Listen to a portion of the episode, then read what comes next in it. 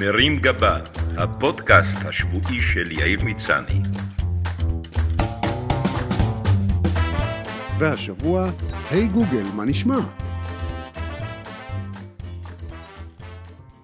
בכל גבר מתחבא ילד אוהב צעצועים עם רעב לשטויות שאינו יודע שובע. אני לא שונה בזה מאחיי הגברים. ברגע של חולשה וצורך בסיפוק מיידי, רכשתי לי ולבנות הבית מכשיר בשם גוגל הום מיני. מדובר במעין עוזר אישי ביתי, רמקול קטן בגודל של חצי סופגניה, שמחירו כ-200 שקלים והוא מונח על מדף בסלון ביתנו. הוא מתחבר לרשת האלחוטית הביתית ומופעל באמצעות קולם של בני הבית עם הקריאה "היי hey, Google" שגורמת לו למלא כל בקשה שלך, ובלי להוסיף משפטים כמו לא שמעתי בבקשה. הוא יודע להשמיע מוזיקה דרך שירותי הסטרימינג השונים, להתחבר לטלוויזיה, לשמש שעון מעורר ולברר ברחבי הרשת סוגיות כמו מה היה אורכה של מלחמת ששת הימים, ומהו מזג האוויר בצ'אד. הוא יודע להזמין כרטיסים להופעות, לטיסות ולבתי מלון, ולעדכן אם צריך מטריה. בקש מגוגל לנגן לך C במול והוא יעשה זאת. בקש ממנו להקריא מתכון לעוגת מייפל, והוא יקריא, בלי לשאול, אתה בטוח שזה מה שאתה צריך עכשיו, כשסוף סוף הצלחת להוריד כמה קילוגרמים? בון אפטי. הוא מזהה את קולך, מכיר את שמך, ואפשר לבקש ממנו להזכיר לך דברים שצריך לעשות ביום ובשעה מסוימים, או לדווח על מצב הפקקים בדרך לעבודה. אפשר להתקין כמה מכשירים כאלה ברחבי הבית או המשרד, אבל צריך להביא בחשבון שהמכשיר הערמומי שומע הכל, כולל דברים שלא כוונו אליו. הפרנואידים בינינו כבר שמו לב שכשהם רק מזכירים את המילה חופשה בטורקיה, הם מוצפים בפייסבוק בפרסומות לבתי מלון ולמכונים להשתלת שיער באזמיר. או לה לה. אני מניח שגוגל כבר עובדת על טכנולוגיה שמאפשרת לה להתאים לנו המלצות למוצרים על פי מה שנשמע בבית. למשל, לרעייתי שנוהגת לפחות פעם ביום לחוות בידיה בכריות הספה בסלון כדי לרענן אותן, היא יכולה להציע מחבט שטיחים. ומכיוון שתמיד יהיה אצלנו בבית מישהו שיצעק, למה אין ביצים? הוא עשוי להציע לנו לעשות משלוח מהסופר, לרכוש תרנגולת, או להחליף את אבי המשפחה.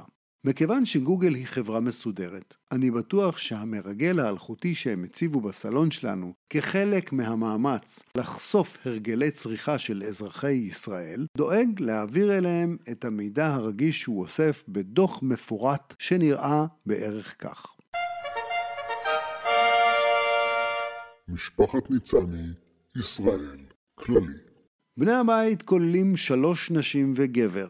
הגבר הוא אדם בשם אבוש, ככל הנראה באטלר, שתפקידו לשרת את בנות הבית. במסגרת עבודתו הוא צריך לעשות כל מה שהן מבקשות ממנו, עבודות בית, שטיפת כלים, חביתות, הסעות ועוד.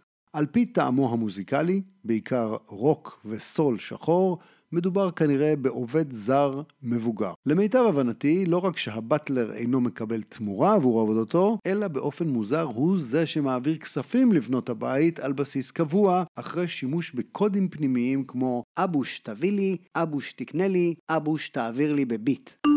למרות מאמציו הניכרים ועבודה סביב השעון, נראה שנשות הבית לא שבעות רצון ממר אבוש ומאיכות העבודה שלו. הן משמיעות שוב ושוב משפטים כמו מי שטף כלים? מה זה הבלגן הזה? ו... אין מה לאכול.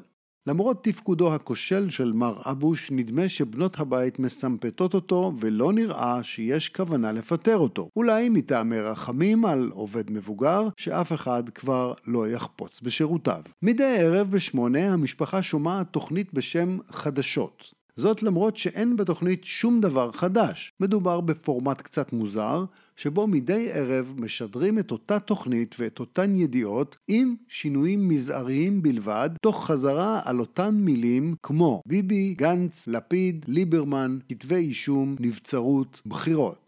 הבטלר מגלה מעורבות רבה בנעשה, ומדי ערב הוא מגיב לחדשות במשפטים קבועים כמו שילכו לעבוד, ועד בית לא הייתי נותן להם לנהל, ובשביל זה ההורים שלי עלו לארץ? הבטלר גם מתגלה כאדם לא החלטי, ומדי ערב הוא אומר, ממחר אני מפסיק לצפות בחרא הזה.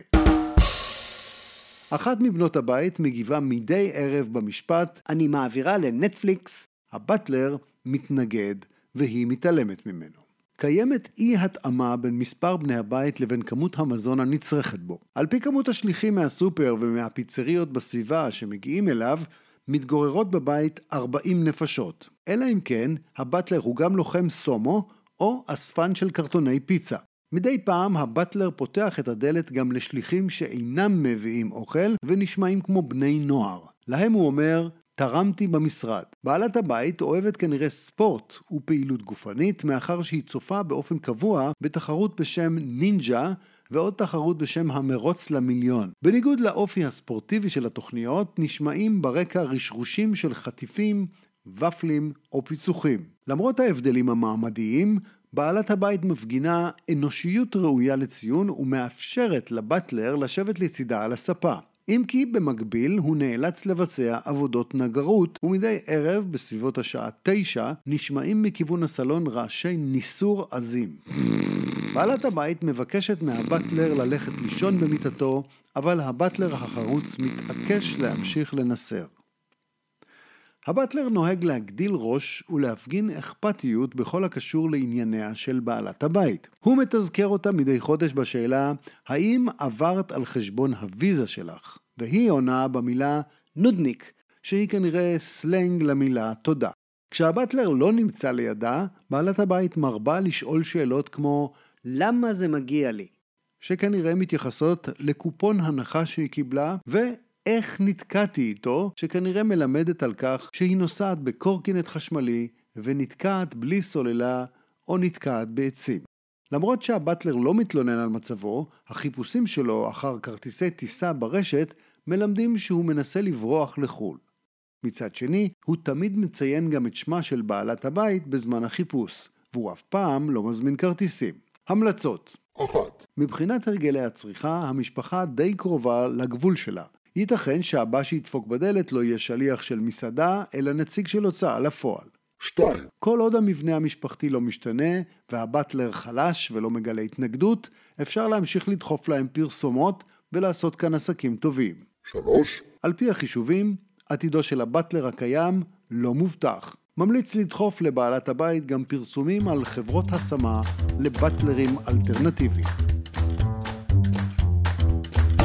מרים גבה, הפודקאסט השבועי של יאיר מצני.